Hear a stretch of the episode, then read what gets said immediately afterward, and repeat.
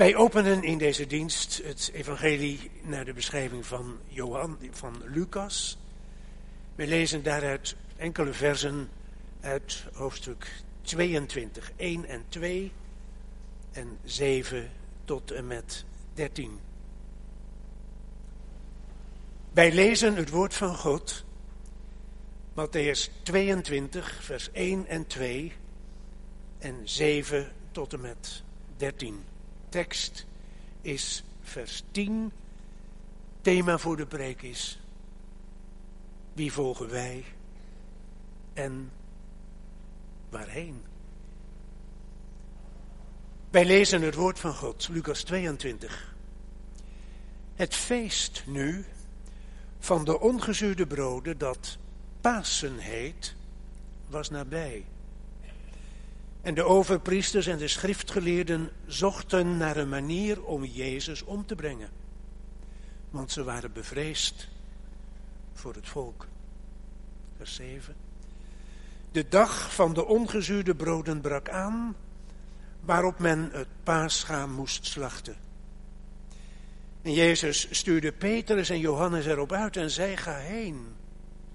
Maak voor ons het paascha gereed zodat wij het kunnen eten. Ze zeiden dan tegen Jezus, waar wilt u dat wij het gereed maken? En Jezus zei tegen hen, zie, als u de stad binnengaat, zal iemand u tegemoet komen die een kruik water draagt. Volg hem naar het huis waar hij binnengaat en u zult tegen de heer van het huis zeggen, de meester zegt u, waar is de eetzaal, waar ik het paascha met mijn discipelen eten zal? En hij zal u een grote bovenzaal wijzen, die volledig is ingericht. Maak het daar gereed. Zij nu gingen weg en vonden het zoals Jezus hun gezegd had. En zij maakten het paascha gereed. Hier eindigt de schriftlezing. Zalig zijn zij die de woorden van deze profetie horen en die ook bewaren. Want de tijd is nabij. Vers 10 is de tekst en we denken over onze tekst na met als thema waarheen. Wie volgen wij? Lieve mensen, het was winter. Een eindeloze sneeuwstorm maakte het bijna onmogelijk om naar buiten te gaan. Maar soms moet je. Ook al woon je in Groenland, tijd is tijd, werk is werk. En twee mensen waagden het er toch op. Op hun jetski door de sneeuw. Op weg naar hun werk. Vrij spoedig waren ze de richting helemaal kwijt. En na een uur gaven ze het bijna op. Totdat ze ineens een vers spoor zagen. Hoop. Iemand die ons voorgaat. Ze gaven wat gas. Probeerden het verse spoor dichter te naderen, wat lukte. En vrij spoedig op hun sneeuwscooter, zij aan zij, een man waar ze al hun hoop op gevestigd hadden. Het lukte om ook nog over de herrie heen aan hem te vragen, hoe lang nog? Hij zei alleen maar, geen idee. Ik weet niet eens waar ik zit. Laatste hoop. Weg. Eenzaam gingen twee sneeuwscooters, gevolgd door een ander, zonder GPS, zonder tomtom verder. Vraag van morgen. Wie volg jij? Wie volgt u? En waarheen? Duizenden mensen in onze tijd leven zo. Jonge mensen die hun idolen hebben. Ze kleden zich ernaar. Ze verkiezen hun muziek. Ze denken, zij zijn onze richtinggever. Soms weten ze niet eens de woorden die ze zingen, maar ze kikken op hem of haar. Totdat sterren vallen. Een nieuwe cd, een nieuwe titelsong die het niet maakt. Een nieuwe film die crasht. Een rechterbeen dat ineens niet meer scoort. Jonge mensen die moeten ontdekken van tijd tot tijd. Ik droeg zijn kleding. Ik hield van zijn liederen. Ik hoopte te bereiken wat hij of zij misschien heeft bereikt in deze wereld, totdat soms een heel tragisch levenseinde. Soms eenvoudig. Eens duizenden volgers, langzamerhand niemand meer. Wie volg je? Nummer één. Niet, niet alleen jongeren, ook ouderen. Ook als ouderen hebben we zo toch ook onze idealen. En soms kijken we op naar zulke gave huwelijken. Zulke prachtige gezinnen. Mensen die het in ons oog helemaal hebben gemaakt in het maatschappelijke leven. Totdat je tegen elkaar moet zeggen, ach. Elk huis heeft zijn kruis. In deze weken staat in de kerk lijdenstijd. In Rooms-Katholieke kerken in deze weken heel centraal de veertien kruisstaties. Veertien momentopnamen van het lijden van de man van smarte op weg naar het kruis. De geesteling, het verhoor, de vrouw met een doek, een man die van het land kwam, drie kruisen op een berg, veertien afbeeldingen, kruisstaties, momentopname. Ergens in Frankrijk is een kerk waar ze die veertien momentopnamen hebben weggehaald. Alleen de lijst is gebleven.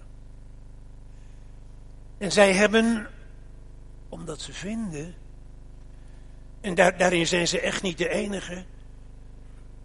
Wij leven in een wereld waarin niet alleen de man van smarten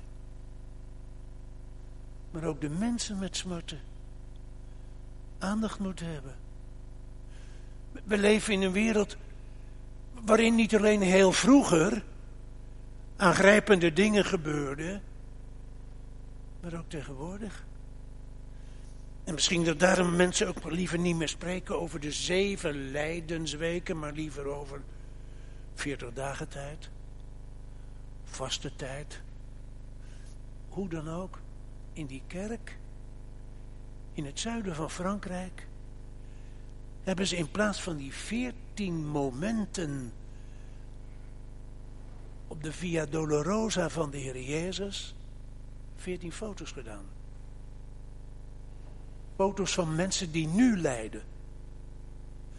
Ik, ik, denk dat er nu een foto tussen zal zitten van, van een bombardement op Idlib en de mensen die radeloos proberen de stad te ontlopen. Ik denk dat er nu een foto zal zijn van mensen met mondkapjes om. Die heel triest uit hun hotelraam kijken, half open. Wanneer mag ik naar huis? Ik denk dat er nu in onze tijd een foto zal zijn van, van vluchtelingen op Lesbos. die hoopten ergens in Europa een welkom thuis te vinden, momentopname van het lijden van deze tijd. Een wisselcollectie. Wij zullen er zeker ook een foto tussen doen van vervolgde christenen die vandaag ergens in het verborgene samenkomen. En misschien dat we vanmorgen in deze doopdienst er ook een foto bij doen. Van ouders met een gehandicapt kind. Of van echtparen die er al jaren naar uitzien om ook een kind, een eigen zoon of dochter. Of van ouders die veel verdriet hebben over hun opgegroeide kinderen. Momentopname van het lijden uit deze tijd. Wij willen gemeente vanmorgen ook iemand gaan volgen. We staan stil ook bij zo'n momentopname op Jezus kruisweg. We kijken niet naar hem, maar naar een van de figuranten. Een bijfiguur. Maar ik hoop dat we aan het eind van de preek tegen elkaar zullen zeggen nee. Die man met die kruik, dat was meer dan alleen maar een bijfiguur. Zoals trouwens al die mensen die zomaar even op de lijdensweg van de Heer Jezus in het vizier komen. Een kind dat zijn jas verliest. Als hij er net bij is in die nacht waarop soldaten Jezus gevangen nemen. En ze hem ook gevangen willen nemen. En hij alleen maar met verlies van zijn jas. Zomaar van die mensen die heel even op de lijdensweg van Jezus komen. Een man die net van zijn akker kwam, omdat hij naar huis wilde om te gaan schaften, die er helemaal niet op zag te wachten. Zomaar van die mensen, een vrouw die een droom had, of een rechter die zijn handen zo nodig moest wassen. Allemaal van die bijfiguren waarvan je zegt, waarom staat dat nou in de Bijbel? Wat heeft dat met het lijden van de Heer Jezus te maken. Staat er toch niet voor niets? Als het dan zo belangrijk is, laten we proberen vanmorgen ook deze bijfiguur dichterbij te krijgen. Pasen. Ieder jaar was het een wonder. Pasen. In Jeruzalem. Men noemde dat in die tijd in Israël één van de wereldwonderen. Duizenden mensen kwamen naar Jeruzalem om Pasen te vieren. En ieder jaar weer geen hotels, geen B&B's, geen staanplaats voor caravans of voor campers. En toch, ieder jaar weer, nooit één pelgrim naar huis. Omdat er voor die week geen onderdak was. Gastvrijheid. Wereldwonder. Iedereen vond wel een plek. Zo ook Jezus. 33 jaar geleden, weet u nog? Bethlehem, 10 kilometer van Jeruzalem verwijderd. 33 jaar geleden geen plaats in de herberg. En nu, op weg naar Pasen, een grote zaal. Helemaal klaar. Apart voor hem. Alleen wat vreemd.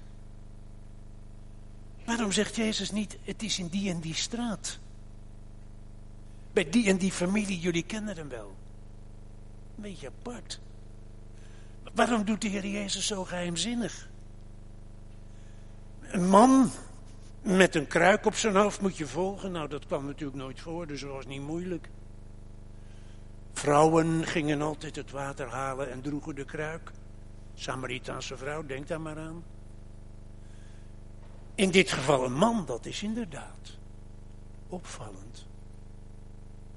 En dan bovendien zegt Jezus tegen twee van zijn discipelen, niet zomaar willekeurig, maar met name Petrus en Johannes. Gaan jullie me achter die man aan? Ook apart. Waarom zij? Petrus en Johannes. Twee totaal verschillende mensen.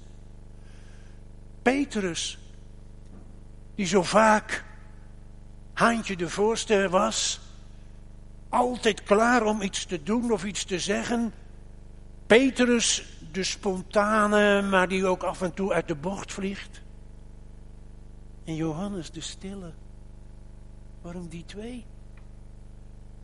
Allebei hebben ze een broer die ook discipel is, Andreas en Jacobus.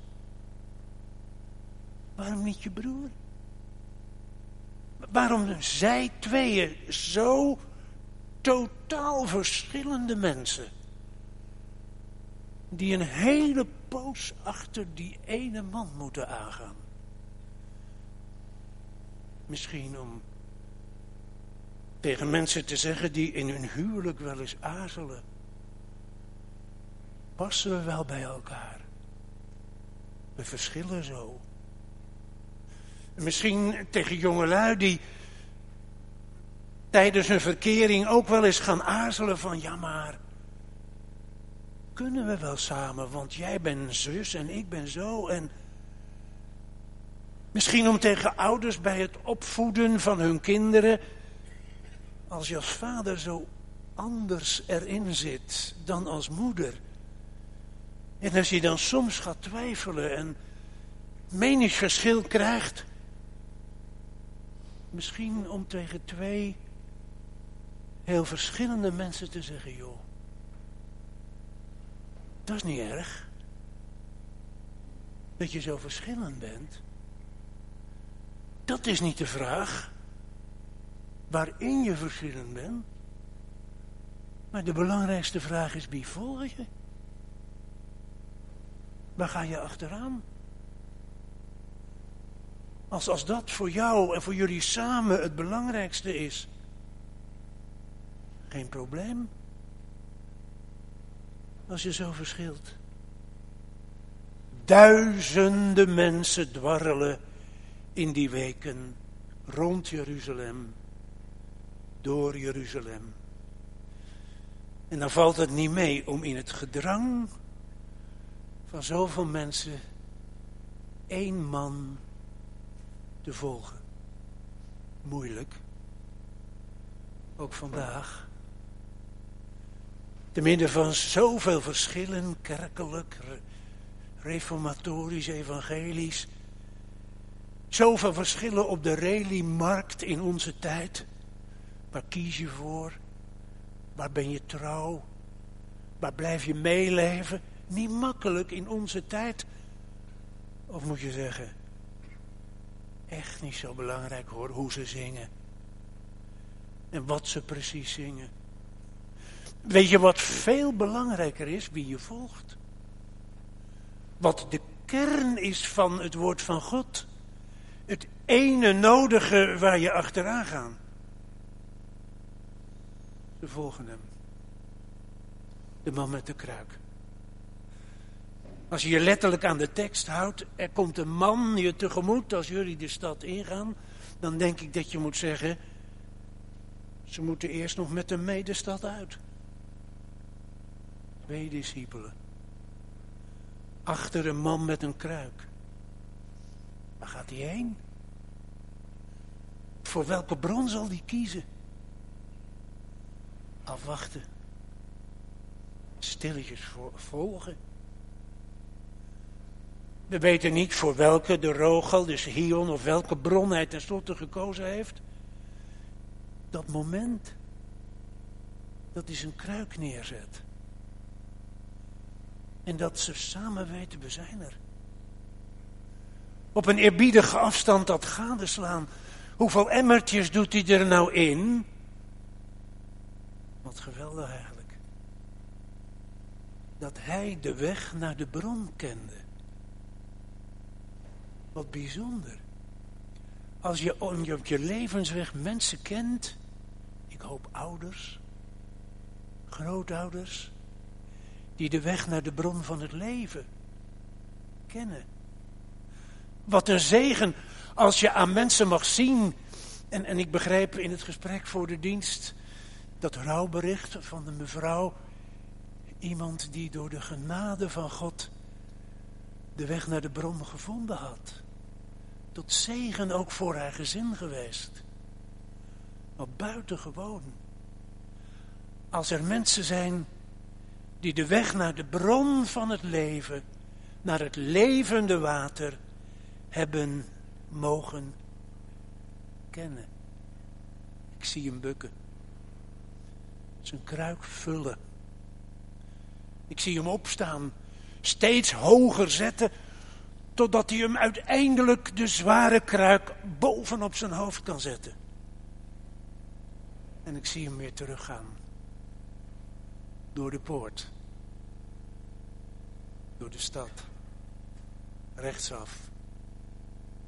Linksaf. Ik zie hem de kruik neerzetten. In de zaal van het laatste avondmaal. Ik vraag me af, wie was die man? Ik denk, een knecht. Van wie dan wel? Ik denk van de eigenaar van die zaal. Wat, waar was dat water dan voor? Ik denk voor de voetwassing. Moest die man dat dan ook gaan doen? Dat denk ik. Maar ik denk dat Jezus toen heeft gezegd: Ga nou maar naar huis. Dat doen mijn discipelen wel. Even onderbreek ik het verhaal. Ik denk dat er vanmorgen in de kerk mensen zijn die zelf ook in het huidige Jeruzalem zijn geweest. Ik denk dat er mensen zijn, als je daar komt, dan ga je natuurlijk ook nu door de Damascuspoort of door de Jaffa Gate de oude stad in. En ik denk, ik ben er zelf ook vele malen geweest, ik denk dat we dan allemaal diezelfde ervaring hebben. Als je eenmaal die oude stad ingaat. Met al die winkeltjes en al die winkelende mensen. Wat is het moeilijk om dan als groep bij elkaar te blijven. Ik heb daar gewandeld met 40, 50 mensen, soms met nog veel meer. Wat is het moeilijk om iedereen erbij te houden en aan het einde van je indrukwekkende wandeling toch weer allemaal op hetzelfde punt bijeen. Tegenwoordig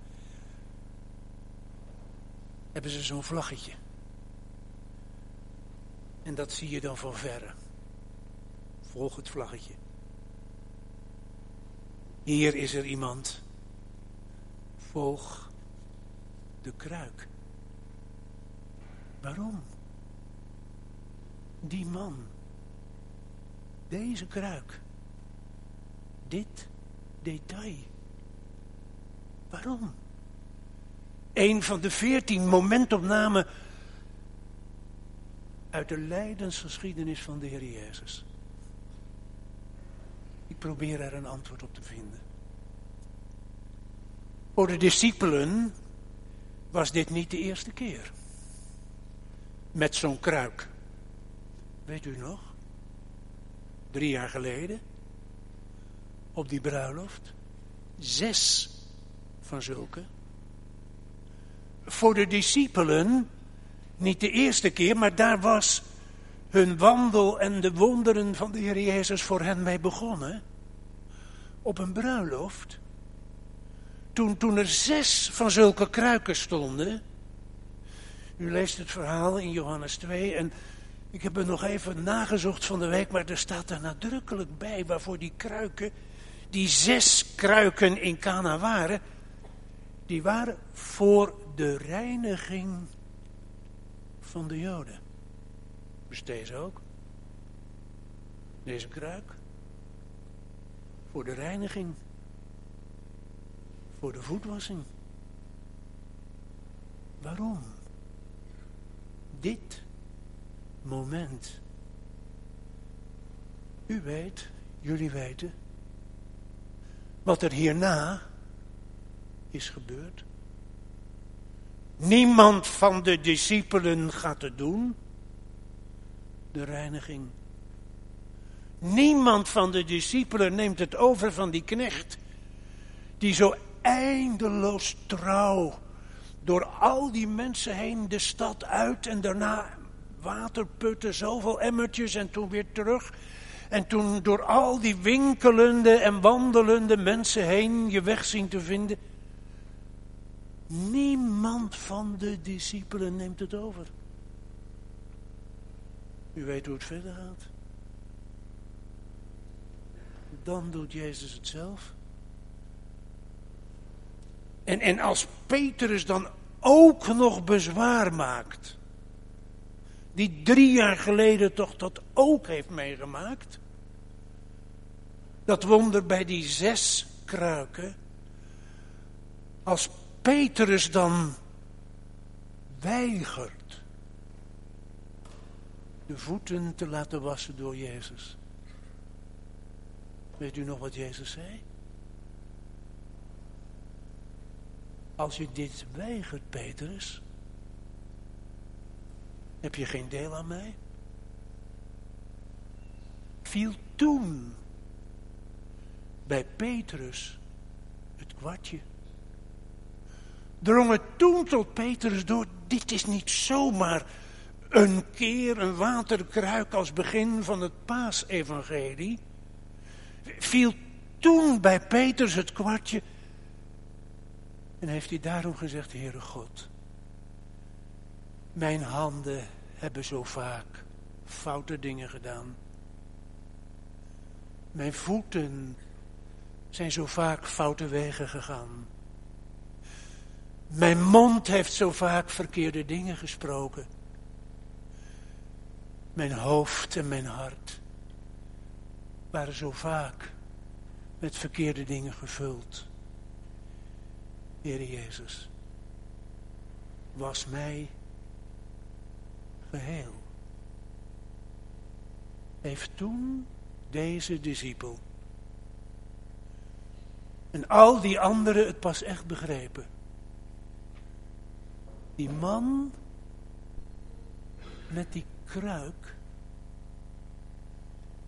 dat is de man met het kruis. Die man die hier zomaar heel even in de picture komt, die moet alleen maar vertellen wie de Heer Jezus is. Hij is gekomen uit de hemel. En hij is die lange, moeilijke weg gegaan naar de bron van het leven. En hij zal straks door de straten, de drukke straten van Jeruzalem, het kruis dragen. En hij zal straks aan dat ruwhouten kruis zijn leven laten stuk slaan als een kruik. En dan zal het water des levens vloeien, stromen van genade stromen van vergeving, stromen van zegen. Wie volg jij? Wie volgt u? In, in de wirwar van meningen en mensen in onze tijd. Wie trekt er in jouw leven een spoor? Wat een zegen. Als je kunt zeggen dat waren of dat zijn mijn ouders. Wat een zegen als je als vader en moeder weet. Ik heb het iedere keer nodig. Dat die lege kruik van mijn hart gevuld wordt. Iedere zondag weer. En iedere dag weer in. Er wordt zoveel gemorst in deze tijd waarin er zoveel op je afkomt. Als je de liefde voor het woord van God en voor de dienst van de Heer Jezus Christus. Wie volg je? Als jonge mensen. Ben je eindeloos bezig met het bijstellen van je zoveelste profielfoto? Of zeg je in alle eerlijkheid, Heere God, zo zien mensen mij misschien. En ik wil er zo mooi mogelijk op staan. Maar u weet het echt, waar mijn voeten gingen en mijn handen deden. En wat er in mijn hoofd en in mijn hart opging. En wat ik nodig heb, meer dan ooit. Gereinigd te worden. Dat u mijn profielfoto reinigt van zondaar tot kind van u. Dat u, o Heere Jezus, in mijn leven voorgaat, elke dag, elk uur, elk ogenblik. Laat je dan als jongeren en ouderen reinigen door Hem, die zijn leven heeft gegeven om jouw voeten, jouw handen, jouw ogen, jouw oren, jouw hart te reinigen. Wie volg je? En waarheen? Hier naar die ene zaal. Straks, na Pasen, naar die opperzaal. En na, op hemelvaartsdag, naar de hemelzaal. Hem volgen.